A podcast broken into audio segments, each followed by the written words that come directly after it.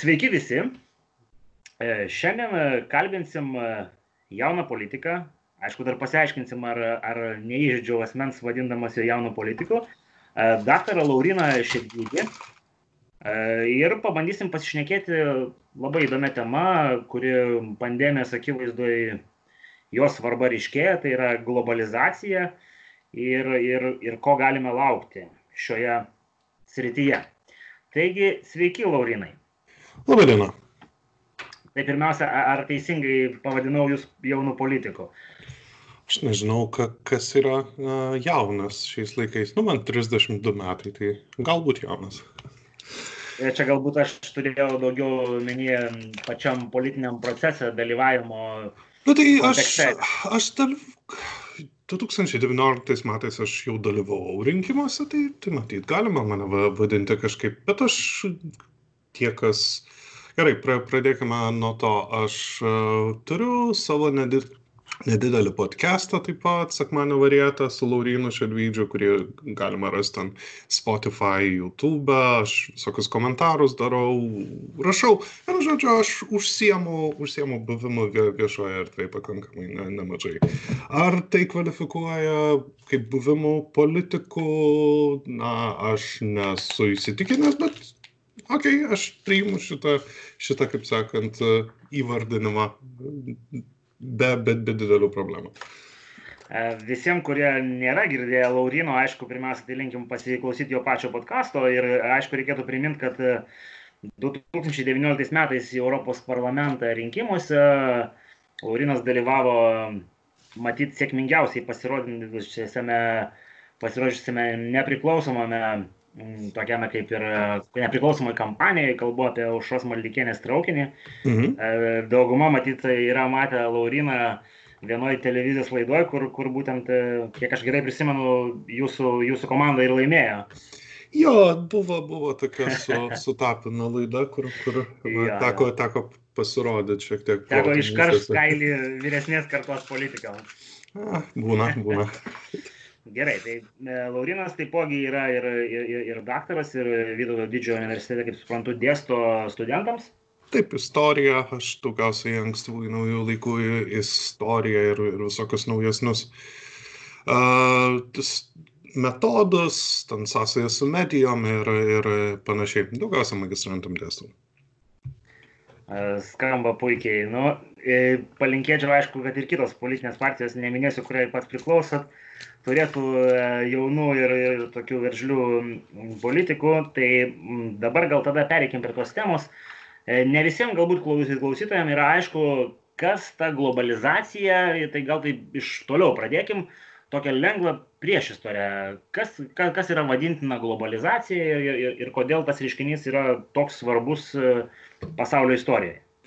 Gerai, jeigu imkim, e, jeigu paimsime tokį patį, patį labiausiai bazinę apibrėžimą, tai globalizacija yra įvairiausių ryšių tarp pasaulio regionų stiprėjimas.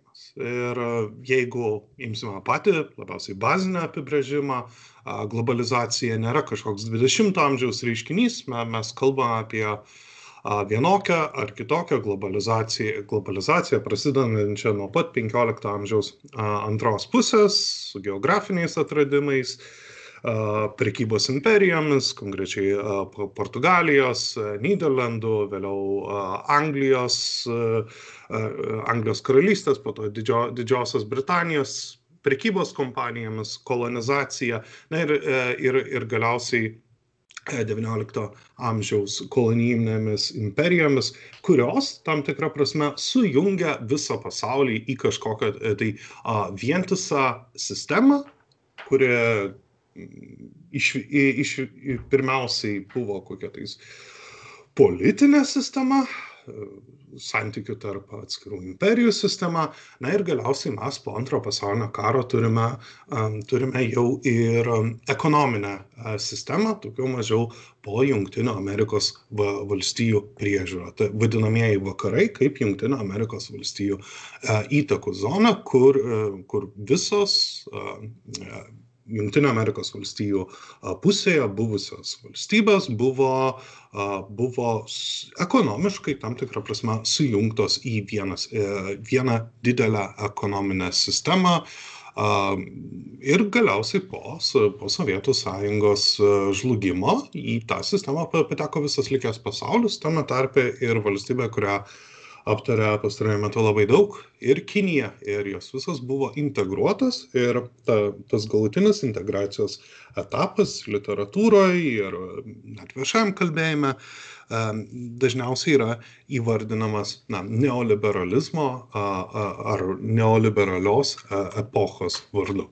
Tai jeigu taip labai labai trumpai nu, manau, pakankamai, pakankamai glaustai ir aiškiai visiems, kurie galbūt nebuvo susidūrę su terminu, nors tokių turėtų būti labai mažai.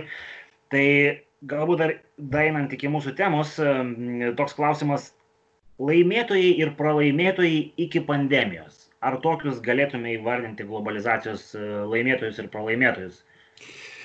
Markas Blaifas yra, yra toks e, škotų ekonomistas, kuris dirba Junktinėse Amerikos valstijose. Uh, jisai savo uh, viešose paskaitose, jų pil, pilna YouTube ir taip toliau, nuolatos naudoja, aš dabar jau ne, ne, nepasakysiu, kurio, kurio kito ekonomisto skaidrę, uh, kur rodo nuo, man atrodo, 70 kažkėlintų ar 80 metų uh, pajamų santykinius ar sąlyginius prieaugius priklausomai nuo to, kuriame pajamų kvant, kvantilyje ar, ar kurioje, ar per, man atrodo, čia turbūt percentilis, ta prasme. Sakykime taip, jeigu, jeigu tu, tu buvai ten viršutinėme e, procente, kiek tavo pajamos augo. Ir jeigu tu buvai apačioje, kiek tavo pajamos augo nuo, e, tarkim, 90-mečio ar 80-mečio.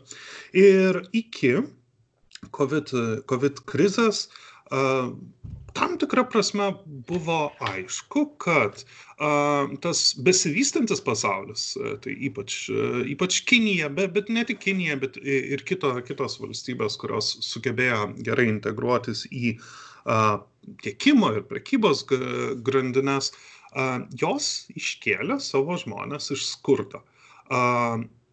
Taip pat Reikia, reikia pasakyti taip, kad daugiausiai vakarų, vakarų pasaulio ekonominis elitas irgi jam sekėsi labai neblogai. Tačiau egzistuoja žmonių grupė, kurių pajamos per pastaruosius 30-40 metų faktiškai arba neaugo, arba net santykinai krito. Ir tai yra žmonės, kurie galima galima įvardinti va į įvairiai. Ga galima va vadinti vidurinę klasę galima vadinti ta ta prasme darbininkija kokį nori kokį nori terminą galima galima naudoti bet tai yra žmonės kurie a buvo priklausomi nuo pramonės ir gamybos vakarų pasaulyje daugiausiai vakarų pasauly bet gal galbūt gal čia čia čia reikėtų reikėtų atskirai atskirai žiūrėti ir į um, tas šalis, kurios perėjo iš sovietinio bloko į, uh, ir vėliau integravosi į vakarus. Uh, vėlgi čia, pa, pavyzdžiui, Lietuvai ta, tas atrodytų negalioja, nes mes pakankamai pakankamai augom, bet, bet jeigu mes žiūrėtume į, į, į kai kurias šalis, kaip, pavyzdžiui, Ukraina, Moldova ar, ar panašiai, kur griuvo pramonės, tam, tam situacija nėra, nėra, tokia, nėra tokia aiški. Tai va, e, taip, e, pralaimėtojai buvo ir pralaimėtojai, pralaimėtojai pastaruosius gal, nežinau, 10-15 metų pakankamai aiškiai pradedami e, reprezentuoti ir politinėje erdvėje. Ir iš to mes turime, turime Trumpą, iš to mes reikšminga dalim turim palaikymą Brexitui, iš to mes turim nacionalinį frontą Prancūzijoje, iš dalies penkių žvaigždžių judėjimas Italijoje, bet, bet taip pat ir Šiaurės lyga, ir dabartinė Salvinio partija ir, ir, ir, ir taip toliau. Turiu omeny, kad senųjų industrinių miestų gyventojai kurių gyvenimo lygis faktiškai arba nesikeičia nesikeitė per pastaruosius dvidešimt metų arba netgi netgi krito jie ilgainiui pradeda ieškoti kažkokių tai politinių išy išeičių ir tai kuria politines krizes O, tai matyt, kuria ne tik politinės krizės, bet ir politinės galimybės, bet e, čia aišku po, požiūrio klausimas. Tai dabar prieinam iki to, kad e, vidutinė klasė, aišku, per pastarosius dešimtmečius, kaip matom, labiausiai nukentėjo nuo, nuo to reiškinio, kuris viena vertus, kaip sakėt, padėjo skurdžiausiam ir, ir, ir padėjo turtingiausiam visuomenės sluoksniams. Tai klausimas yra tas, dabartinėje akivaizdoje pandemijos, sienų užsidarimo, ko galima tikėtis? Ar, ar, ar kažkokio pokyčio, ar globalizacija, kuri išgyveno, jūs čia minėjot, jau žiūrint nuo 15 amžiaus, tai čia net neišvardinsi, ką jinai matyti išgyveno, bet jeigu jau tik žiūrint į 20 amžių, tai buvo ir karų, ir, ir, ir epidemijų, ir, ir, ir, ir visokiausių aktyvių judėjimų, kurie labai, labai aršiai bandė išryškinti, išryškinti tos globalizacijos neigiamus aspektus, žodžiu, ir, ir, ir, ir jūs paminėtą trendą, turime tokie judėjimai kaip Occupy, kurie aršiai, aršiai pasisakė už local visokius dalykus. Tai ko galim laukti vat, šitoje po koroninėje istorijos eigoje. Dabar, jeigu, jeigu mes taip nuoširdžiai pasižiūrėtume į, į, į tą tokį istorijos tiekmę, mes niekada nematome tokių labai um, nuolatos vienodų tempų judančių judėjimų. Dažniausiai viskas būna, na taip, ebb and flow, eina tam tikromis bangomis. Uh, ir galbūt mes, e, ir čia, čia, jau, čia jau prasideda mano spekulacija, galbūt mes e, stebime globalizacijos, sakykime, ekonominės globalizacijos bangos atsitraukimą.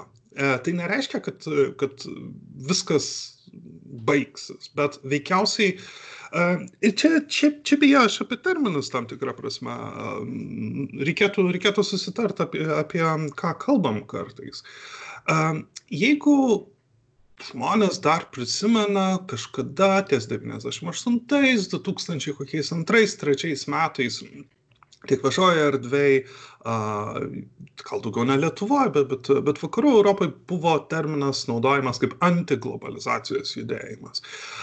Jis buvo, na, daugiausiai, e, jis, jis turėjo dvi ištakas, tai, tai, tai pirmiausiai visokie e, kartais labai partikuliarinius interesus e, turėjo daugiausiai kokie ūkininkai, ypač prancūzijai, kurie baiminosi, baiminosi ekonominio pasiekmių, o iš, iš kitos pusės tam tikrą prasme posovietinė politinė kairė ieškojo, ieškojo kažkokiu tai um, kažkokiu tai naujų būdų save, save apibrėžti. Tai pasaulio socialinis forumas, vadinamasis Porto Alegres, jeigu ne, neklystų uh, judėjimas ar, ar, ar panašiai, jų idėja buvo, buvo, buvo ta. Jie nebuvo prieš globalizaciją, jie buvo už tai, kad e, gerai, mes turime ekonominę globalizaciją ir mes su ją susitaikom, bet ekonominė globalizacija turi sekti, sekti e, globalizacijos tokiuose erdvėse kaip darbo judėjimas. Nes nereikia, nereikia būti ten, dideliu stebėtoju politikos ir, ir socialinių procesų, kad pastebėti, kad uh, Jeigu kapitalas yra faktiškai globalus, tai, tai tarkim jo konturbalansavimo įrankis, ta prasme, tiek profesinės sąjungos, tiek, tiek visokie nevyriausybė, nevyriausybinės organizacijos, jo, jos daž, dažniau yra lokalios ir negali, negali atsverti ir, atsverti ir kurti alternatyvų ir kurti alternatyvių pasiūlymų labai dažnai ir galima ties šiuo momentu jau aiškiai, aiškiai pasakyti, kad šita globalizacijos banga pasiekė savo tam tikrą limitą dėl to, kad nebuvo tos antros, antros dalies. Nebuvo, tarkim, socialinės globalizacijos. Tai reiškia, kad judėjimų, kurie jungtų, jungtų žmonių, kurios vienetų ne vieną, ne vien, tarkim, kapitalo interesai ir, ir, ir taip toliau, atsvaros. Nes jeigu, jeigu būtų... būtų... Laurinai, aš noriu čia įsiterpti. Aš pritariu, kad vieningo tokio judėjimo globalaus galbūt nėra, bet mes turim, tarkim, regioninius politinius judėjimus, pavyzdžiui, ES rėmose, kurie apima, apima tarkim, visus, visos Europos socialdemokratus ar visos Europos kokią kitą politinę srovę ir jos, jie tų įgauna gerokai amplifikuotą balsą.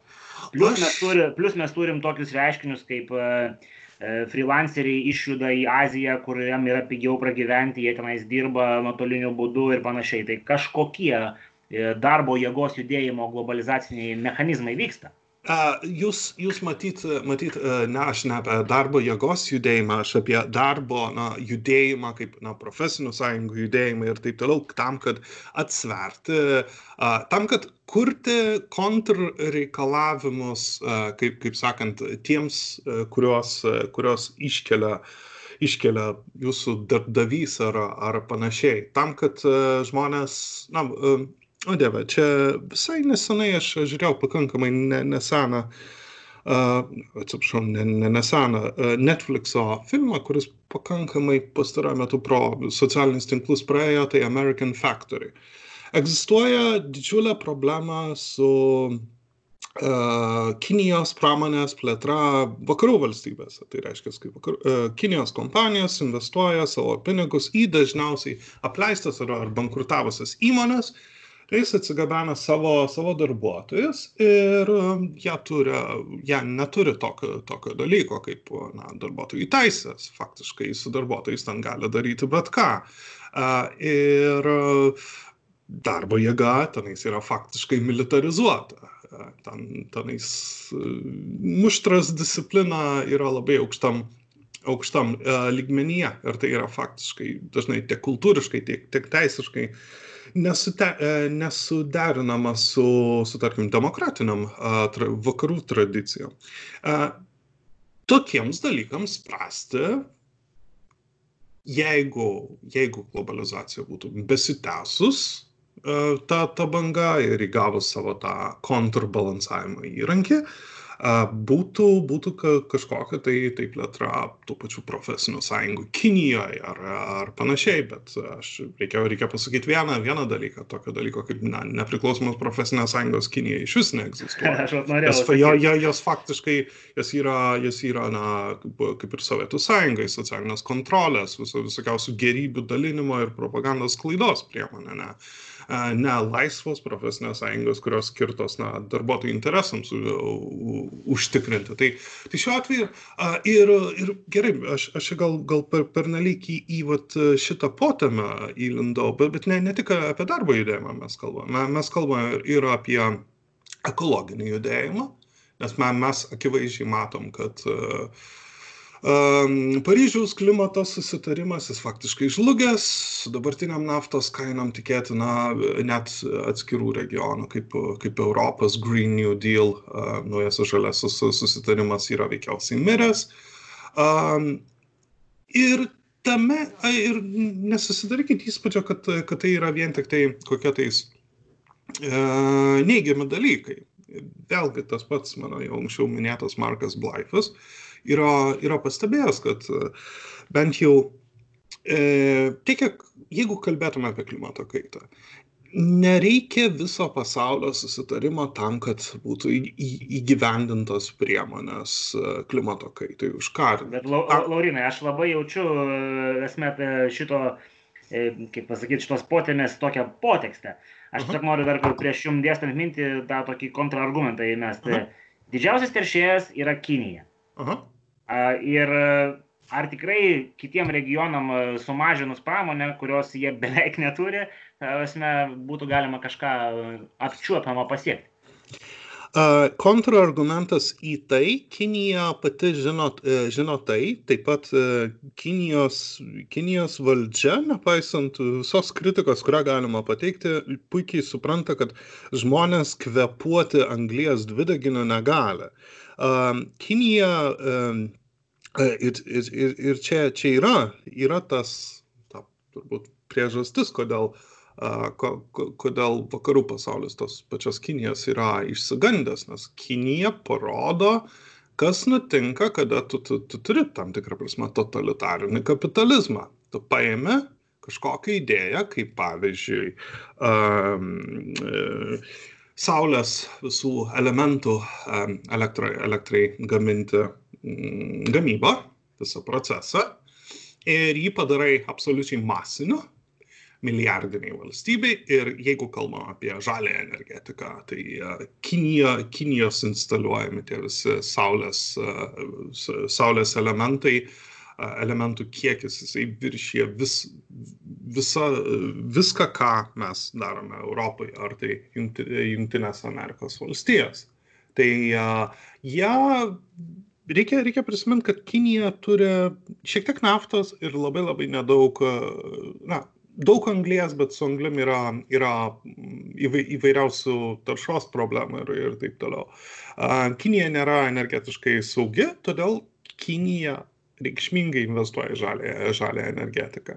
Tai jeigu kalbant apie tą taršos dalį. Plus vienaip, vienaip ar kitaip nuo taršios pramonės Kinija pereina prie šiek tiek labiau high-techo ir aš nežinau, ar, ar jūsų klausytojai yra pastebėję, bet Kinija pradėjo savo pramonės outsourcinimą į Afrikos šalis. Va, būtent ypač, norėjau, būtent ypač, ypač, ypač Etijopiją. Tai, tai šiuo atveju jie, jie atlieka, tam tikrą prasme, jie, jie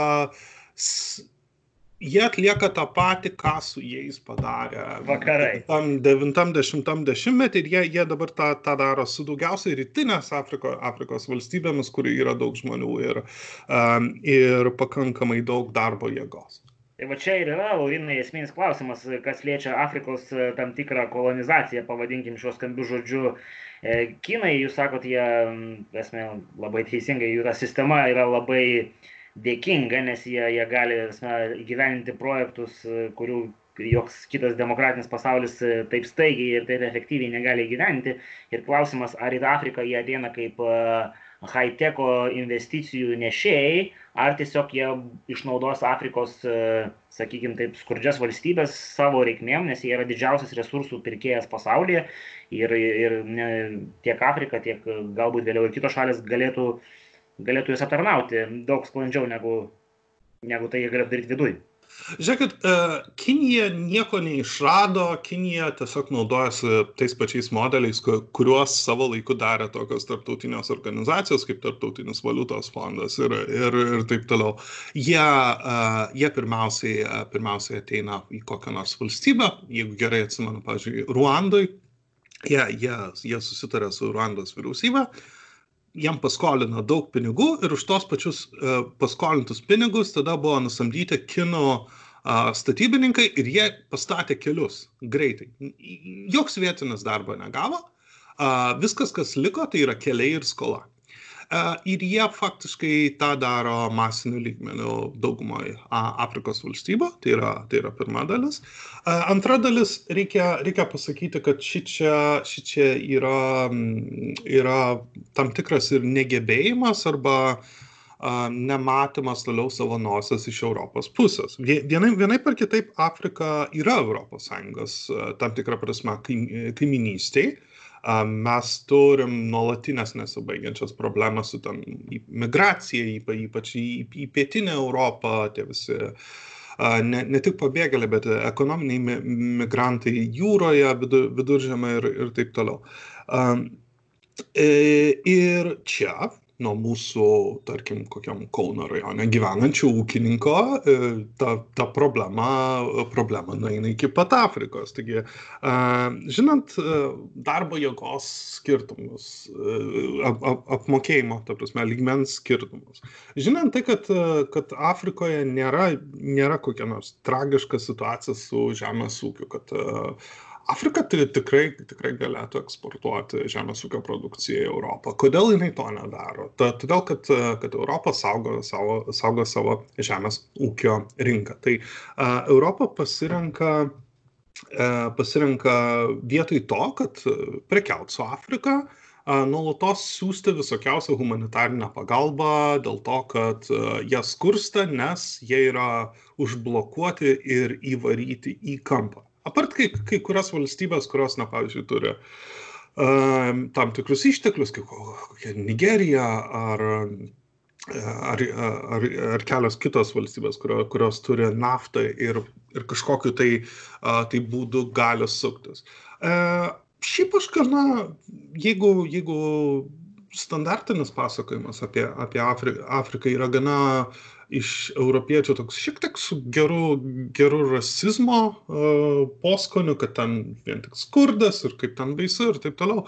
Šiaip a, a, Afrikos visas žemynas turbūt, turbūt bus artimiausių gal 20-30 metų, jeigu neįvyks kokiu nors didelių kataklizmų, uh, galbūt ir sėkmės istorija, ypač vakarinės Afrikos, Afrikos valstybės, ten nuo, nuo Nigerijos, Ganos ir visas tas krantas, ten, ten bus didžiulis ekonominis augimas. Ta pati Etijopija, į kurią e, Kinija taip stipriai investuoja, jie turi labai daug darbo jėgos, labai daug žmonių, jie palengva uh, palengva vis geresnį išsilavinimą turi, tai, tai reiškia, reiškia gali, gali turėti pramonę, ilgainiui, ilgainiui atsiranda ir IT sektorius, apie Afrikoje esantį aptarnaimo sektorius, skambučių centrus, ten Kenijoje ir, ir, ir panašiai visi daugiau mažiau turėtume žinoti.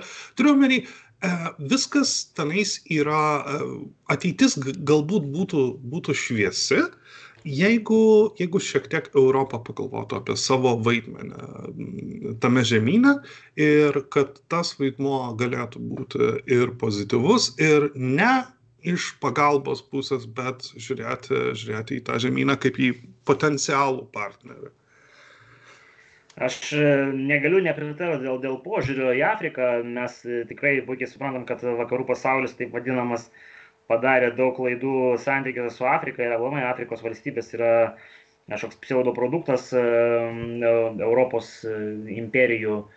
E, ir, ir, ir dėl, to, dėl to tai, kas ten vyksta, tikrai yra ne, ne kaip sakoma, tai labai smarkiai liečia europiečių, europiečius.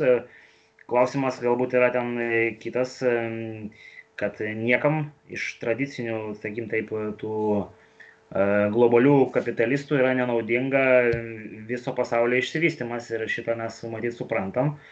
E, ir Afrika vietoj to, kad būtų mokoma žvejoti, jai visai ką buvo duodama žuvis, e, perkeltinai kalbant, kad jinai palaikytų savo tą nekokį lygį.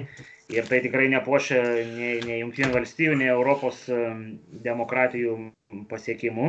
Ar jo, lab, e, tai, jo tos pačios Kinijos, kuri, kuri užsiema, užsiema tuo pačiu, beje, e, kuo, kuo savo laiku užsiema europiečiai. Bet tiesa, tiesa pasakius, netgi, netgi yra, oi uh, dieve, čia, čia, čia galima, galima susijęti su nesena mano googlinimo istorija. Uh, aš, aš šiaip muzikos mėgėjas mėgė, esu ir visai, visai neseniai, neseniai atradau, kad egzistuoja toks muzikos stilius kaip zam rock, tai yra Zambijos rokas. A, kas, kasgi nutiko?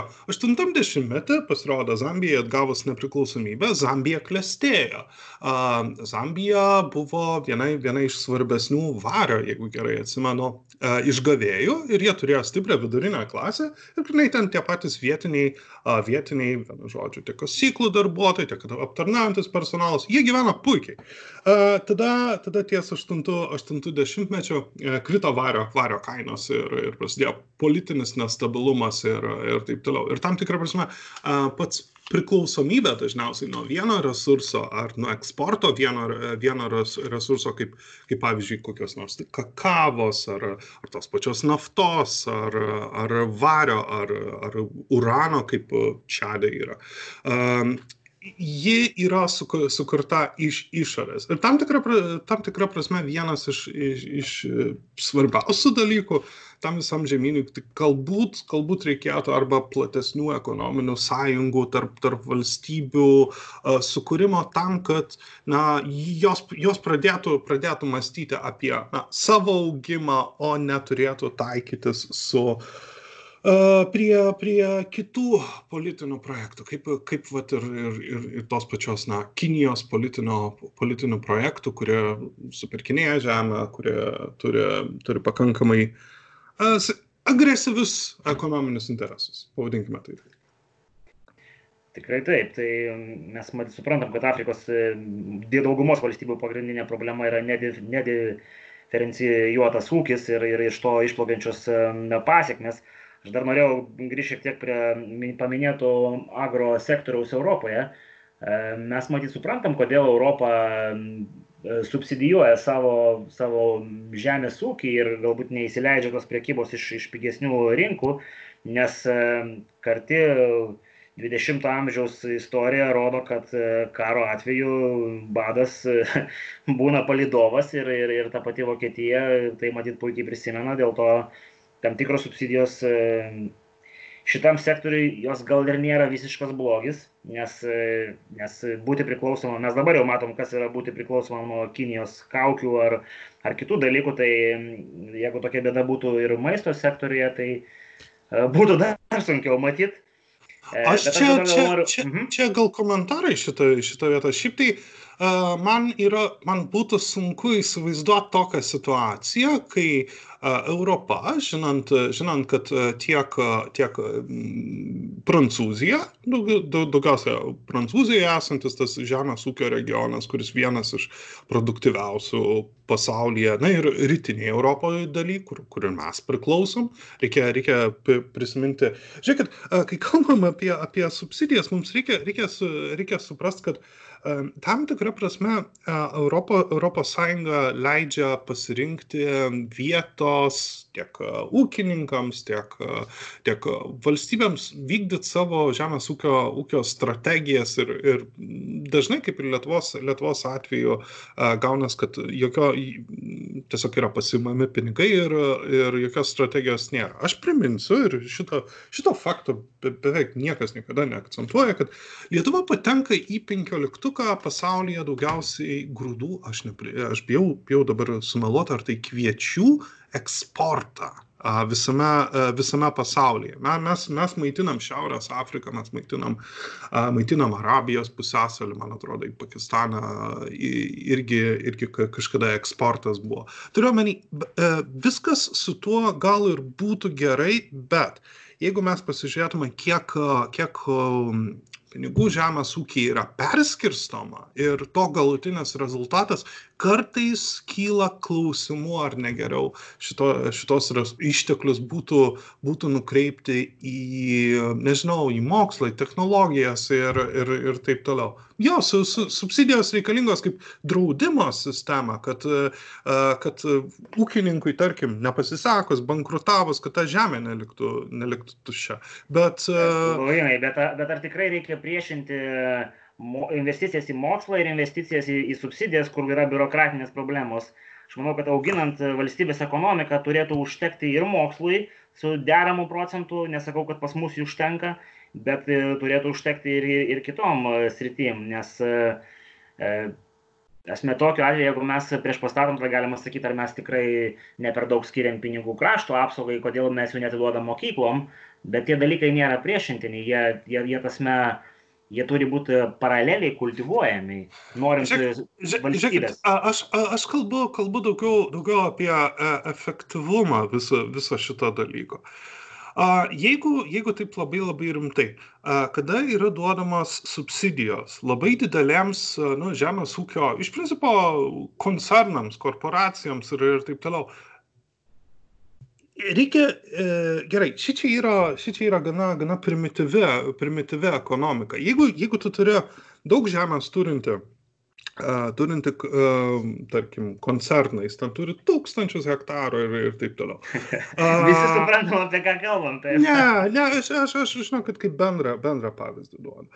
Uh, jisai ką daro? Jisai samdo darbuotojus, darbuotojams jie moka, moka atlyginimą, dažniausiai, dažniausiai tas atlyginimas yra ribotas, labai dažnai yra sezoninis ir, ir, ir panašiai.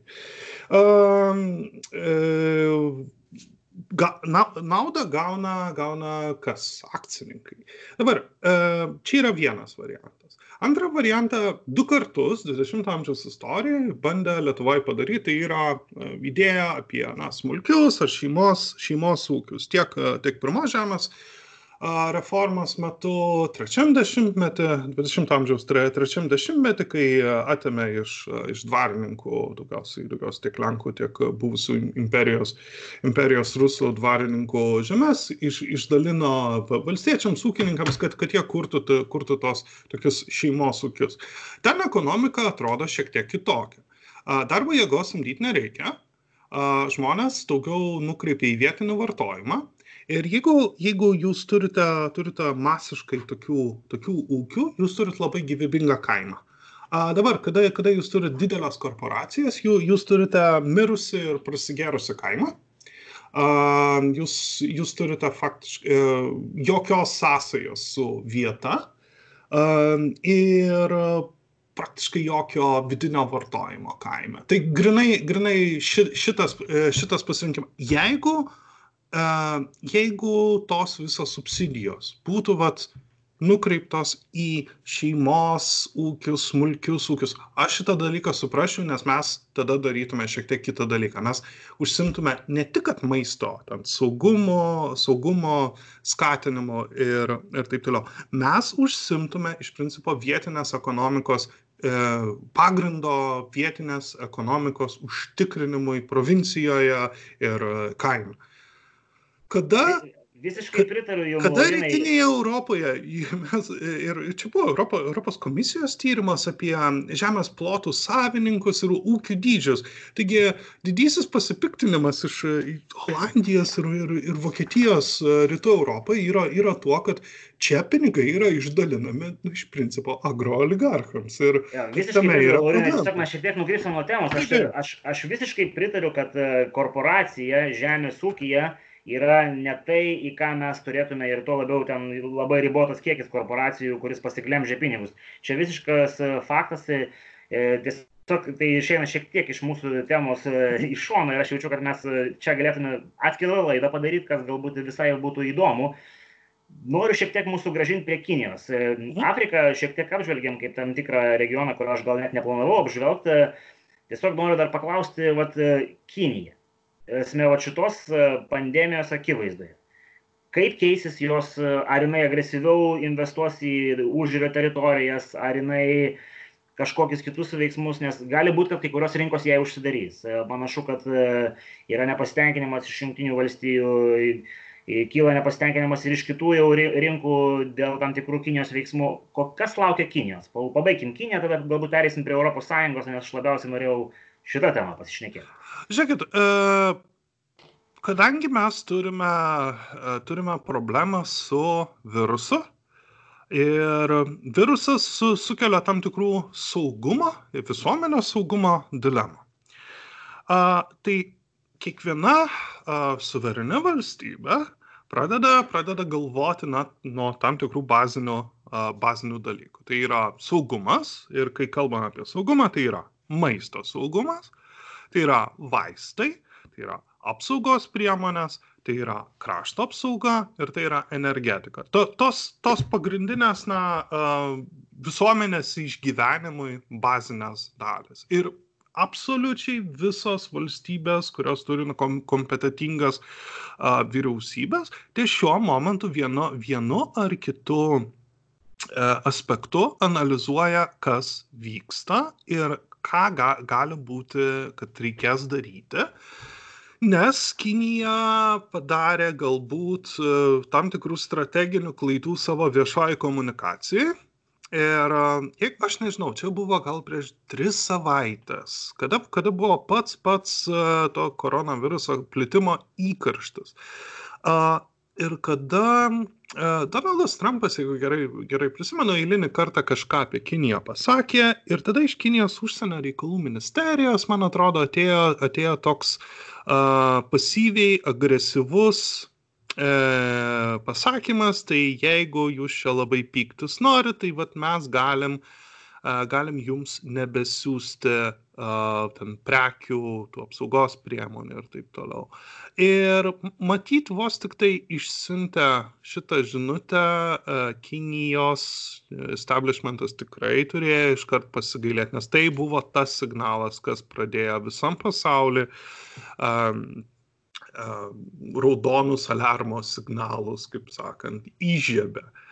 Kodėl? Nes jeigu iki tol visie, visiems kilo klausimų, ar ta krizės įveikimo strategija, naudojantis gamybos, ilgomis gamybos grandinėmis, kurios anksčiau ar vėliau atsiduria Kinijoje, ar ji yra saugi, ties tuo momentu visi gavo atsakymą, ne, ji nėra saugi, Kinijos e, komunistų partija dėl vienokių ar kitokių priežasčių gali imti ir užsukti tiekimą. Ir ties šituo, ties šituo momentu aš beveik garantuoju, kad visose didžiosiose valstybėse e, buvo pradėtas svarstyti, kaip mes galim, galima susigražinti bent jau dalį tų bazinių, um, uh, bazinių visuomenės ir valstybės saugumui uh, reikalingų priemonių gamybai ar, ar tiekimui, susigražinimą į kažkokią saugesnę erdvę negu Kinija. Ir ar Kinija gali, ties šiuo momentu, ar Kinija tapo nuo to saugesnė? Ne, nes visi, visi pradeda daugiau mažiau matyti, kad Kinija yra agresyvi. Ir kad Kinija bando, bando žaisti savo tokią nežinau, gana, ne, gana nešvarę, nešvarę politiką naudojantis šitą korona krizę. Tai. Taip. Komunistų partija ir nešvari politika, matyti, yra beveik sinonimai. E, tuo pačiu, tada galbūt dar paklausiu ir kito klausimo. E, Kinijos viena iš pagrindinių sąjungininkių, kuri dėja arba mūsų džiaugsmų neturi tokių galimybių kaip pati Kinija, Rusija. Kaip, kaip pat globalizacijos šita, gal pasakykim, deglobalizacijos banga, kokią įtaką padarys Rusijai po koroniniam pasaulyje? Aš, aš asmeniškai, aš gal, galbūt šiek tiek pernelyg analizuoju to, tos didelės duomenis, bet Rusijos nelaukia jokia šviesa ateitis, bent jau Kodėl? Naftos krizė tikėtina, tikėtina tęsis ilgiau negu kelis mėnesius, o kaip minimum porą metų. Reiškia, Rusijos federacija pamažu degina savo, savo visą rezervo fondą, bet, bet šičia, šičia yra, yra detalės. Rusija turi, turi geostrateginę problemą ir ta, tos problemos dalis yra pirmiausiai Rusijos demografija. Jeigu mes Lietuvoje turime problemų su demografija, e, gyventojų skaičius e, krinta, e, dėl, iš dalies dėl didelės emigracijos, kuri buvo prieš beveik dešimtmetį ir, ir šiek tiek anksčiau. Tai Rusijos situacija yra dar labiau tragiška. Man yra tekę, tekę matyti analizių, kad ties du tūkstančiai dvidešimt ketvirtais dvidešimt penktais metais kada vėlgi ta ta tokia mūsų vietinių beibi bumerių karta pradės išeidinėti į pensiją Rusijai reikės permastyti, ką jinai daro su savo karinėmis pajėgomis. Rusija kažkokiu būdu turės jas mažinti. Ir tai reiškia kelis dalykus galbūt rusija turi kažkokiems agresyviems ar ekspansionistiniams veiksmams artimiausius keturis penkis metus tai yra tai yra ir baisi žinutė bet bet ir tuo pat metu ir nuraminanti kad e, visa visa visa ši visos šitos nesąmonės vykstančios su Rusija, tiek, tiek su, kai jį užpuolė Sakartvelą, tiek kai jį užpuolė Ukrainą, kad visa tai nebūtinai tęsis taip, taip ilgai, kaip mums atrodo. Tai yra viena dalis. Antra dalis, aš nesu didelis to Rusijos viešosios, viešosios erdvės specialistas ir aš prisipažinsiu, gal pastarosius 6-7 metus nesekiau jų, jų nei, nei spaudos, nei, nei radio, nei, nei ko. Ir aš nežinau, kokia situacija yra su Putino režimo tvirtumu, jeigu, jeigu naftos krizė užsitęsia, jeigu uh, jam reikia pradėti mažinti pensijas ar, ar visas tas socialinės išmokas, uh, jeigu reikia vykdyti kažkokią, kažkokią tai na, biudžeto konsolidaciją, nes reikia, reikia prisiminti ir kitą dalyką, kad uh, Rusijai yra įvestos įvairios sankcijos, kurios šiek tiek apriboja, apriboja galimybių taikytis prie šitos krizės erdvę. Ir, ir nežinau, man, man, man atrodo, kad e, kažkokio politinio stabilumo didelio Rusijai gali artimiausiais metais, e, metais ir, ir nebūtų, galima matyti visokiausių ten protestų. E, aš, aš ne, nemanau, kad Putino režimas taip ims ir, ir sugrius, bet, bet aš manau, kad, kad ten gali, galima, stebė, galima bus stebėti didesnių įtampų. Bet vėlgi, vėlgi šitą, šį, aš čia tikrai, tikrai prisipažinsiu, aš nelabai ne, ne turiu, turiu laiko Rusijos viešosios erdvės stebėti, nes čia yra visiškai masyvi erdvė ir tai yra atskira tema. Uh, Tikrai taip, tikrai taip. Nu, kiek bent jau tų nuotrupų pasirodo žiniasklaidoje, tai reitingai ir Putino šiek tiek krenta ir jis susiduria su įvairiom problemom ir, ir matyt su jom susidurs dar stipres, stipresnių mastų ir kad jis nėra iš tų politikų, kuris tiesiog užleis režimą ar kažką panašaus, matyt, mes jau supratom per jo 20 metį politikoje. Turiu tokį klausimą, Vat, e, girdint visą tą situacijos tokį apibrėžimą, sakykim taip, e, e, santrauką, kilo tokia mintis, ar ES ir Amerika nepradės ieškoti Kinijų savo pašonėje. Turiu menį, ar nebus taip, kad tai, ką mes viską buvom iškėlę į Kiniją, teks gražinti atgal, bet galbūt ne, ne į tas turtingiausias, galbūt pramonė negrįš į Vokietiją, negrįš į Kaliforniją, E, bet jos grįž į Meksiką, į kokią Vengriją, Lenkiją ar panašiai. Kiek tikėtinas toks scenarius? Žiūrėkit, e, pramonė per pastaruosius 15-20 e, metų reikšmingai pasikeitė. Jeigu mes, tarkim, apie robotizaciją, automatizaciją galima, ga, galima kalbėti nuo, nežinau, 6-70 mečio ir Japonija buvo, buvo savo, savo laiku lyderė tame, labai dideli pasikeitimai šitoje vietoje yra įvykę ir dalis pramonės su, su tam tikrais, na, E, su, su, su tam tikrais aspektais jau yra grįžus į Europą. Aš, aš prisimenu, gal prieš, nežinau, 5-6 metus buvo toks ne, ne, ne, nedidelis e, straipsnis apie tai, kad Adidas savo laiku iškė, iškėlė gamybą į, vėlgi, į Rytų Aziją, ne, neprisimenu, ar tai Kinija, ar, ar Vietnamas, ar, ar kur, tiesiog, tiesiog automatizavo visą, visą gamybą vietoj šimtų darbuotojų, jiems, jiems tada reikėjo, man atrodo, septynių ar aštuonių, kad visas linijas aptarnauti ir gražino, gražino į Europą. Tikėtinas šitas kelias. Bet teisinga pastaba, mes turim, mes turim savo, savo pašonėje valstybių su pigia darbo jėga. Ir, ir pirmiausiai, na, net nereikia iš Europos žemynų išeiti, ir tai yra Balkanai.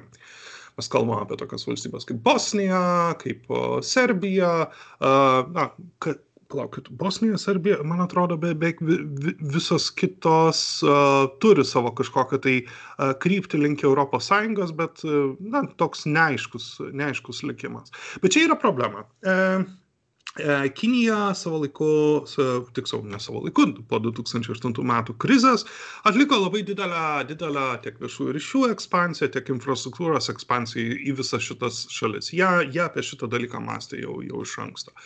2000, po 2008 metų krizės, prasidėjus e, valstybių skolų kriziai, ypač Graikijai, Graikija buvo, buvo priversta parduoti savo Pirėjo uostą, vieną, vieną iš didžiausių. Jį įsigijo Kinija. Tada Kinija pradėjo vystyti savo infrastruktūros projektus per Balkanus. Ir jų, jų idėja buvo ta, kad mes paversim Serbiją tam tikrą prasme tokiu dideliu fabriku, tam, kad eksportuoti prekes į ES.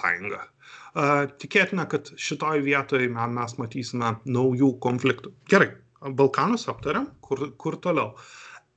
Europa savo pašoniai turi vi, visą Šiaurės Afriką. Šiaurės Afrikoje ir artimuosiuose rytuose yra daugybė, daugybė darbo jėgos, didžiulis nedarbas ir su ta sąlyga, kad mes sutarėm, kad, e, kad mes integruojam juos į savo tiekimo grandinės ir, ir, ir taip toliau, tai irgi yra įmanoma daryti. Ta pati galima kalbėti ir, ir apie, pavyzdžiui, tokia, tokias valstybės kaip Ukraina, Moldavija ar, ar tas pats Sakartvelas ar, ar kitos e, Kaukazo kalnų valstybės.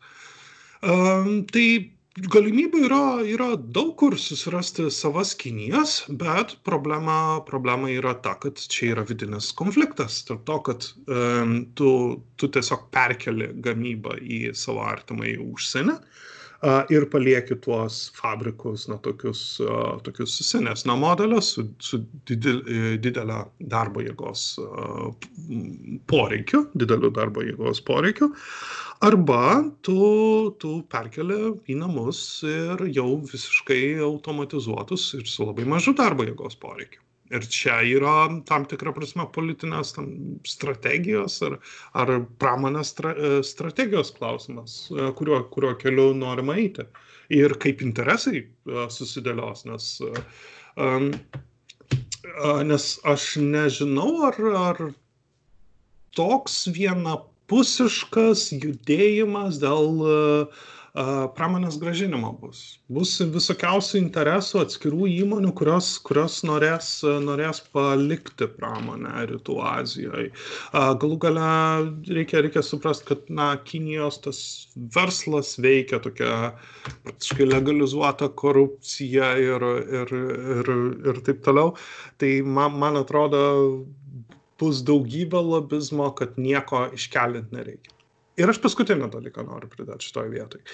Kada kalbama apie ypač Kiniją ir ypač jos seniausiai outsourcintus regionus, kada kalbama apie atlyginimus pakrantėje, tai jau rytiniai pakrantėje, jų skirtumai nuo tarkim, nuo bent jau pačių naujausių ES valstybių atlyginimų ir pajamų lygio nėra tokie, tokie dideli. E, ekonominis argumentas, kad e, Kinijoje ga, gaminti pigiau yra dėl darbo jėgos, jisai yra šiek tiek jau pasenęs. Ir ties šiuo momentu Kinijoje gaminti nėra pigiau, bet yra patogiau, nes taip yra įprasta ir yra nusistovėjusios grandinės. Tiesiog tiesiog tiek. Aš, aš manau, kad, kad atlyginimų skirtumo klausimas, kai kalbam ypač apie Kiniją, jis nebėra toks svarbus. Yra pigesnių valstybių, yra, yra kol kas Vietnamas, Kambodža, Laosas ir Afrika. Tai va. E, taip, tai aš galbūt e, turėdamas omeny tą Kiniją, čia buvo toks platesnis terminas, e, apimantis ir kitas jau paminėtas uh, Pietų Azijos valstybės, kaip tam tikrą pigios, pigios, pigesnės galbūt darbo jėgos. Čia pats paminėjot pakrantės, aišku, Kinija nėra tik pakrantės, bet tada galbūt panagrinėkim tokį dalyką - robotizacija. Jeigu jinai gaus pagreitį ir, ir, ir verslai, kaip minėjot, Adidaso atveju grįž pasikeitę, susioptimizavę ir panašiai, E, lieka pagrindinis, e, pagrindinis klausimas e, darbo vietos, nes Europoje gyvena daug žmonių ir, ir, ir tas ne, darbo jėgos, kuri gyvena, gyvena iš savo darbo, yra matyti vis tiek didžioji dalis.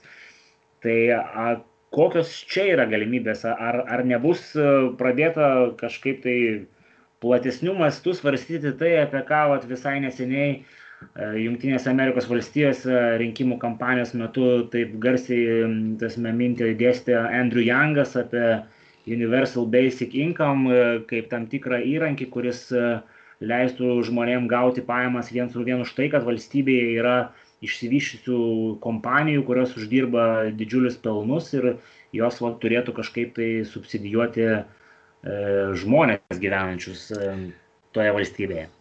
Uh, gerai, čia yra, yra dvi skirtingos temos, tai UBI, Universal Basic Income uh, uh, ir ta versija, kurią Jangas uh, siūlė. Uh, žiūrėkit, nėra viskas taip uh, paprasta. Uh, turiu omeny, uh, kai mes kalbam apie darbo vietas pramonėje, mes kalbam na, apie pakankamai nedidelę, bet pa, pakankamai efektyviai veik, veikiantį sektorių, kuris, kuris gali, gali pagaminti labai daug su pakankamai mažai darbo jėgos šiais laikais.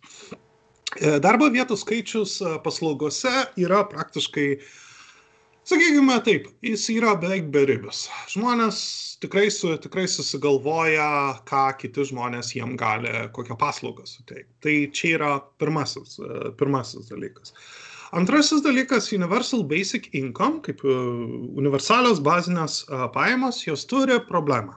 Ir pagrindinė problema tai yra, kas bus tie, kurie finansuoja visą šitą dalyką.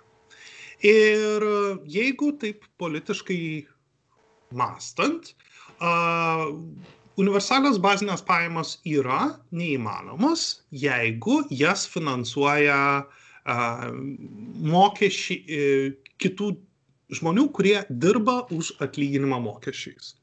A, kodėl? Nes yra iš dalies pavydo, iš dalies teisingumo dalykas. Na, kodėl aš turiu dirbti ir mokėti mokesčius, kad, kad kitas žmogus a, galėtų nedirbti. Ir e, man atrodo, kaip geresnė. Bet, bet Laurinai, ar čia nėra tas, tas e, basic income e, žodžių darinys, atsakantis šitą klausimą? Amerikoje gaunant tūkstantį dolerių tu negali solidžiai gyventi. Tas, met, tai yra kažkoks basic dalykas, nuo kurio galima atsispirti. Ir mintis, aš nesakau, kad šita sistema yra kažkuo tobula, bet jinai pakankamai unikali, kaip mintis viešais pradėta tokiu lygiu reikšti. Kad tai yra tam tikras basicas, nuo kurio žmogus gali atsispirti ir jeigu jis nori daugiau, jisai visada gali tasme, kažką daryti pats, kažkur darbintis ir panašiai, to jisai nepraranda. Ir tasme, mintis ta, kad tiesiog mes išsprendžiam tam tikrą skurdo, skurdo problemą ir, ir, ir ar čia yra blogai, nes, nes finansuotų jos pagrindė stambėjai verslai nes, ne, nesmulkieji, o tie, kurie turi, esmė, milijardinius e, mokesčius moka arba nemoka, jų, sakykime, taip, nes yra iškėlę kažkur kitur. Bet čia, čia va, va, tai, tai šitą vietą tu, tu prie, prie, prie re, realios problemos. Ties šiuo momentu, jeigu finansuotų, tai finansuotų kiti dirbantieji, e, dirbantieji kodėl, nes uh, a, didžiosios korporacijos, įmonės ir taip toliau, jos randa, kaip nemokėti mokesčių. Žiūrėk, a, aš, a, e, aš tiesiog, a, man pat, a, aš neturiu nieko prieš pačią idėją, kad reikia sudaryti kažkokią pagrindą visiems, bet čia yra es, e, esminis dalykas, kur, kur galbūt e, žmonės eina, kurie advokatauja šitą idėją, eina šiek tiek klaidinga uh, kryptimi, uh, nes tai yra Pirmas dalykas tai yra renta. Su, rent, su renta visada yra, yra įvairios, įvairios problemos, kad na, įvedus tokį, tokį dalyką po to labai sunku, sunku jį modifikuoti, pakeisti, panaikinti ar, ar, ar taip toliau. Tai yra, tai yra vienas dalykas.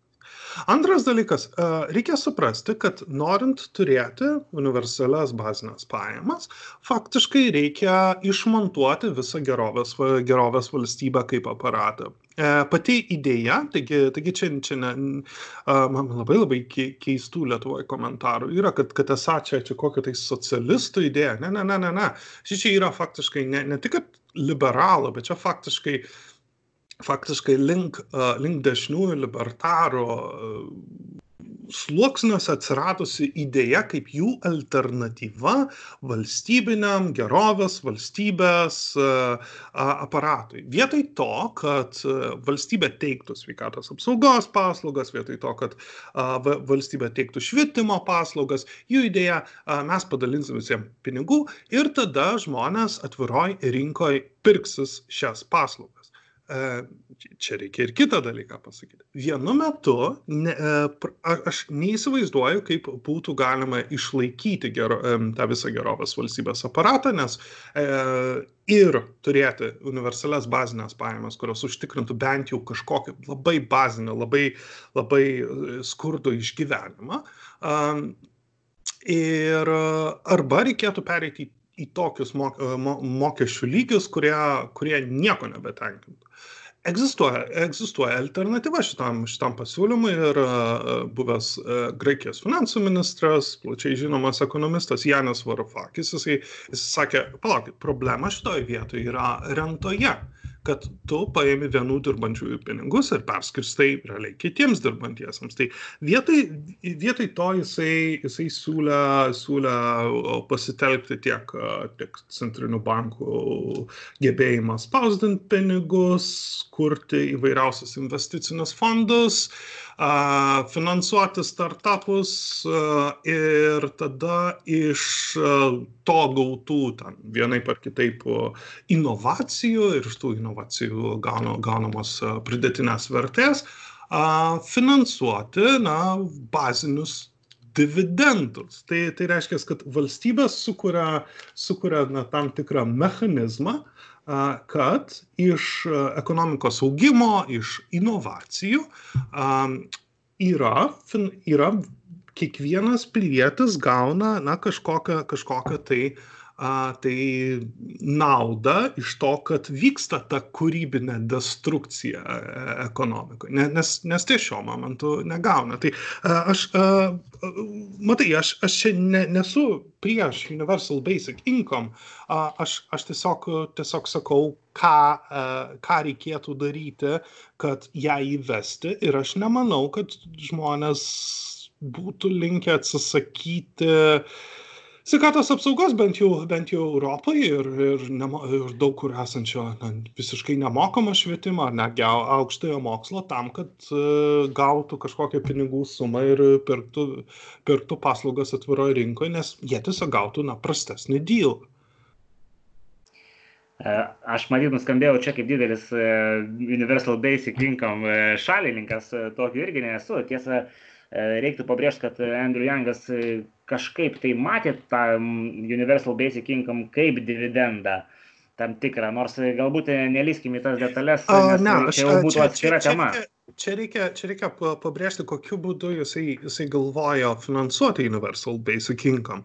Jisai norėjo, ir šitą, šitą daiktą reikia, reikia prisiminti, Junktinėse Amerikos valstijose nėra to pridėtinės vertės mokesčio. Jisai norėjo įvesti Junktinėse valstijose pridėtinės vertės mokestį, tokį kaip yra Europai, ir tokiu būdu finansuoti baz, e, tą UBI. E, problema yra, yra ta, kad ne, nereikia būti didelio, didelio ekonomisto ir aš to tokių ne, nesu, bet aš puikiai suprantu, kad pridėtinės vertės mokestis, kaip ir bet koks mokestis vartojimui, yra automatiškai regresyvus mokestis, kuris labiausiai kerta tiems patiems mažiausias pajamas gaunantiems. Tai, tai čia, čia jo fina, netgi finansavimo modelis buvo, buvo gana, gana problematiškas, jeigu taip švelniai pasakius. Tikrai taip, tikrai taip. Tai, Laurinai, prieinam dabar iki to jau tokio finalizuojančio klausimo, galbūt ne paskutinio dar, bet tą potėmę Sąjunga ir Lietuva. E, kaip, kaip, kaip, mūsų, kaip mūsų valstybė ir kiek plačiau Sąjunga, kaip e, ja, mes išgyvensim tą po pandeminį laikotarpį ir, ir ko galima tikėtis Sąjungai. Aš turiu daug baimės, kad mes galim išgyventi, išgyventi kažkokį Europos Sąjungos, jeigu ne pabaigą, tai labai rimtą krizę uh, rodantį periodą. Ir čia be bejonės, be bejonės, tai jau, jau keletą kartų Lietuvos viešoje erdvėje pastebėta situacija su ta pačia Italija. Italija iki šiol yra, yra viena iš ES valstybių donorių. Ir Italija turi, turi didelių problemų. E, ir jo, jos problemas faktiškai sukė, sukėlė gal net ne pati Europos Sąjunga, bet tas faktas, kad e, Italija e, prisijungė prie euro. Ir ilgą laiką Italija savo augimą finansavo tokiu ne tai, kad finansavimo, bet, bet jo pagrindas buvo, buvo savo nuo, nuo savo valiuta, kuri buvo silpna, buvo lira. Jie, jie galėjo na, nuolatos turėti, turėti didelę infliaciją, jinai, silpninti savo, savo valiutą, jų eksporta, eksportas buvo pakankamai pigus ir patrauklus. Šiaip tai, kad nebūtų tos visos amnezijos, aš, aš tik priminsiu, kad iki, iki tos ES dabartinę formą susiformavimo, 1988 metais Italija buvo antra ekonomika pagal dydį, labai trumpą laiką buvo, bet Europai. Tai reiškia, kad Italija išgyvena, išgyvena krizę, kuri turi ir savo politinę išraišką ir koronaviruso pasakoje kadangi europos sąjunga parodė keletą signalų kad mes jums nepadėsim taip kaip jūs norite kad mes jum padėtume Italijai gali kilti didelis vajus dėl pasitraukimo iš jau nebe euro, bet ir ES. Ir čia galimas bus stebėti labai didelės, didelės dramos epizodų. Aš nežinau, ar Italija kartais ne, nepasitrauks iš ES, bet jeigu Italija pasitrauktų, tai žinokit, mes galim, galime kalbėti apie tam tikro persiskirstimą arba skilimą ES į, į kelias dalis, arba kažkokius veiksmus, kurie gali atrodyti kaip ES e, dabartinės formos pabaiga. Ir suskirstimas galutinis į uh, tą kelių greičių sistemą, kada uh, tos kelios šiaurinės valstybės, uh, tai uh, Niderlandai ir Vokietija pradeda judėti savo, savo kryptime, Prancūzija savo, savo kryptime, uh, pietinė Europa savo, uh, savo kryptime. Uh, nes jos turi be galo skirtingus, uh, skirtingus ekonominius interesus ir euras tapo problema visiems. Nes euras yra. Mm, tiksliau, tai, kad Europos centrinis bankas savo, savo vadinkime taip, konstituciniam dokumente neturi reikalavimo užtikrinti, e, užtikrinti kad Europoje nebūtų, e, ne, e, neturi prievolės kovoti su nedarbu, visai Europai tampa dideliu inkaru. Junktinė Amerikos valstybių centrinis bankas, Fedas, gali imtis kokių tik nori priemonių. Jis gali spausdinti pinigus, jis, jis gali kaip tik nori keisti, keisti tas bazinės palūkanų normas vien tam, kad užtikrint, kad Junktinės Amerikos valstijose nedarbas neišauktų pernelyg stipriai, tuo pat metu rūpindamasis ir infliacija. Europos centrinis bankas turi na, tik tai vieną esminį, esminį reikalavimą rūpintis, rūpintis infliacijos lygiu ir, ir pinigų tvarumu. Ir mano akimis, aš nežinau, kaip baigsis visas šitas dalykas, bet man atrodo, kad mes judam prie esminių susidūrimų, kurie, kuriuos mes stebėsim netgi ne ekonominėje erdvėje, bet politinėje erdvėje, kada veikiausiai po uh, pirminio krizės etapo, kada pinigai bus pasiskolinti, išleisti ir tada prasidės rinkose spekulacija būtent dėl to, ar Italija pasitrauks ar nepasitrauks iš, iš, iš Europos uh, Sąjungos. Ir tada matysim labai didelių, didelių ginčių, kurie, kurie galbūt nulems tolesnę ES uh, formą, kryptį ir e, galbūt, galbūt mes visi šiek tiek, šiek tiek turėsime e, tokio gailesčio, kad ties tam tikrų momentų, kokiais 2006-2007 metais nebuvo su, sukurti uh, instrumentai, uh, leidžiantis na, ES išgyventi tokias krizes, kokias išgyvena 2008 ir 2020 metais. Dabar kokia Lietuvos padėtis šitoj vietoj? Man yra labai keista Lietuvos pozicija stojant į Vokietijos pusę, nes mes nesam tokie, tokie skirtingi nuo, nuo, nuo pietų Europos, jeigu, jeigu taip labai rimtai. Į Lietuva, Latvija, Estija ir iš dalies ir, ir tą pačią Lenkiją yra įsilieję daugybę, daugybę tiek vokiečių, tiek skandinavų kapitalų, galbūt dėl, dėl šitų priežasčių per, per, tokį, per va, tokią, tokią įtaką mes atsidurėme jų pusėje. Tiesiog ES galimos, kol kas dar labai, labai nedaug procentų duočiau, griūties ar, ar kažkokio skilimo atveju, jeigu Lietuva atsiduria, atsiduria tarkim, Vokietijos, Vokietijos pusėje, pirmiausiai, pirmiausiai mes netenkam faktiškai visos, visos savo pramonės, nes bet, bet kuri valstybė, kuri, pavyzdžiui, po kokio katastrofiško uh, ES skilimo lieka su Vokietija, uh, faktiškai Vokietijos, kad ir kokia tai yra valiuta, ar, ar ten yra euras, ar tai yra kokia nors atkurta Deutschmarkė, bet kas, kas yra sus, sus, susijęta su tai, jos kursas šoka į viršų ir ji nebegali daugiau užsimti tuo, ko užsiema, tai yra sudėtingų gaminių eksportų, nes tampa visam pasauliu per nelik brangiai. Tai va, mano, mano tokia bendrais bruožais. Aš tikrai nežinau, ka, kas bus, bet man, man atrodo, kad mes turėsim labai labai rimtų dramų.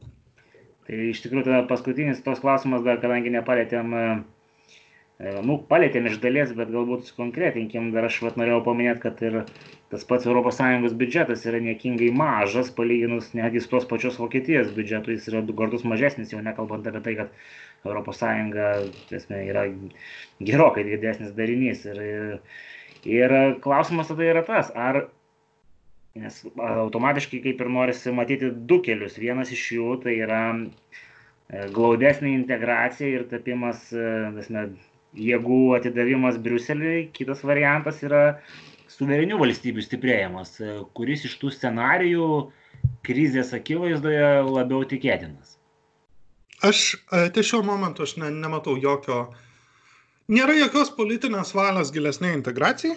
Um, tiksliau, uh, du, tiksliau bet, koki, bet kokios fantazijos apie integraciją baigėsi ties 2008-2009 metų krize, kada paaiškėjo, kad uh, tiek uh, Europos parlamentas, Europos komisija yra visiškai bejėgiai vykdyti kažkokią politiką, uh, kuri prieštarautų atskirų didžiausių valstybių, ypač Vokietijos politiniams interesams.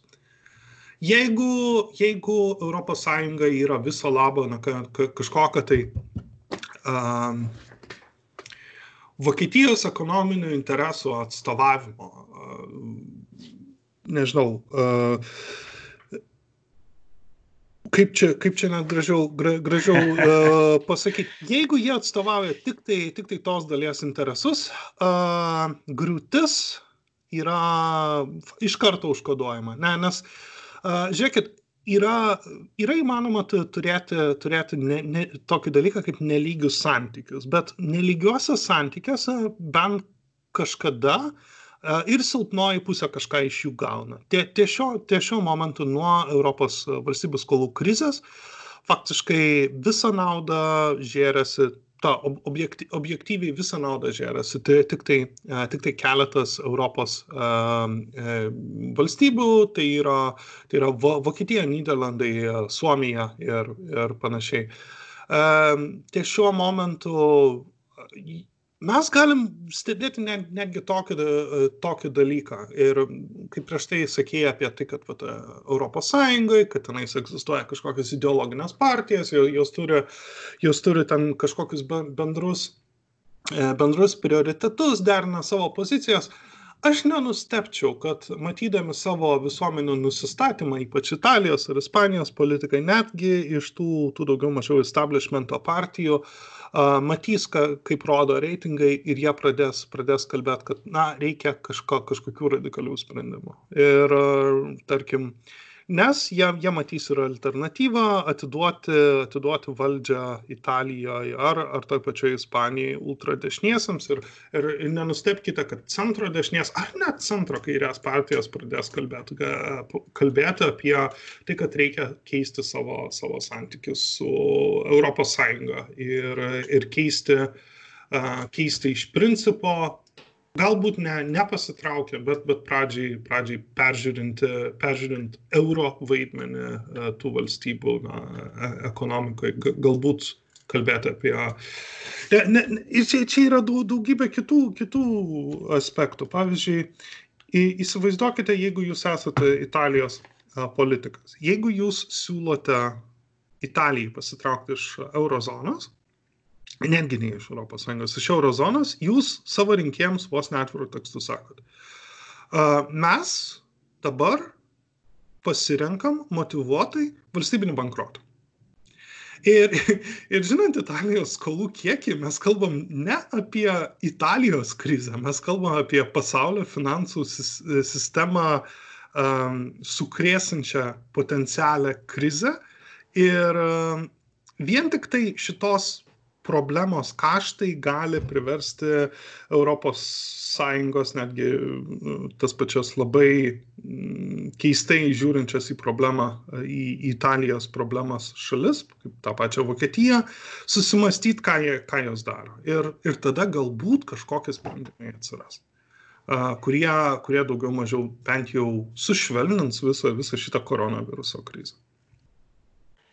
Nu Laurinai, reikia sakyti, kad šita dramatiška gaida, matyt, baigia mūsų, mūsų pokalbį, tai e, didelis dėkui, kad e, savaitgalį e, skiriat laiko ir kad nušvietėt šitą globalizacijos, pavadinkim taip, pandemijos katalizuotą globalizacijos problemą ir, ir, ir iš tikrųjų man pačiam buvo smagu.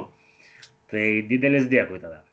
Ačiū labai Jums, kad Jūs pakvietėt mane.